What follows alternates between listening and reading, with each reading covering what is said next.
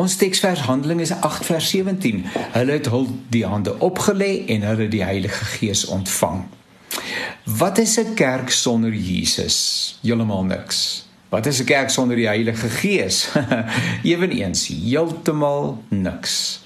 God openbaar homself in drie persone: Vader, Seun en Heilige Gees.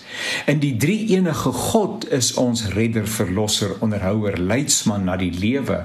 Die drie enige God is in alle opsigte wie hy sê hy is, God. Dis onverstaanbaar vir die menslike begrip. Dis 'n geloofswaarheid wat net aanvaar, geglo en bely kan word. Maar wanneer jy dit doen, dan beleef jy die bevestiging daarvan in jou gees. Die drie persone van die goddelike drie-eenheid kan onderskei, maar nie geskei word nie. Dis misterieus, waar onbegryplik, waar aangryplik waar. Kort voordat Jesus hemelvaart keer, vertel hy die disippels van die noodsaak en die geskenk wat in die persoon van die Heilige Gees na hulle toe kom. Maar die voorwaarde is dat hy eers vertrek, want eers dan kan die belofte van die Vader uitgegiet word. En Joel profeteer merkwaardig oor die dispensasie van die Gees.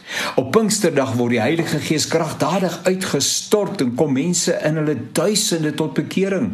Daarvan lees ons in Handelinge Bang Petrus draai nie doekies om oor wat die Jode met die Messias koning gedoen het nie en roep hulle op tot 'n hartgrondige toekeer en terugkeer na die God van hulle vaders. En die reaksie is oorweldigend en gee gestalte aan die Nuwe Testament. Alles deur die werk van die Heilige Gees. So, wat is 'n kerk sonder die Heilige Gees? Maar wanneer mense die begrip Heilige Gees hoor, dan word baie herinner aan alles wat mense onder die sogenaamde inspirasie van die Heilige Gees doen en bedryf. Goed wat nie die toets van die woord kan deurstaan nie. En dit word as herlewing beskrywe. En soekende mense stroom daarheen, maar hulle raak sommer gou weer weg. Die Gees se werk is standhoudend en tydloos. Die Gees, die Gees begin die werk in ons as gelowiges, ook in die kerk en bring dit tot wasdom, tot volwassenheid. Hoe dikwels hoor en leer ons van die werk van die Heilige Gees in ons kerk, ons gemeente?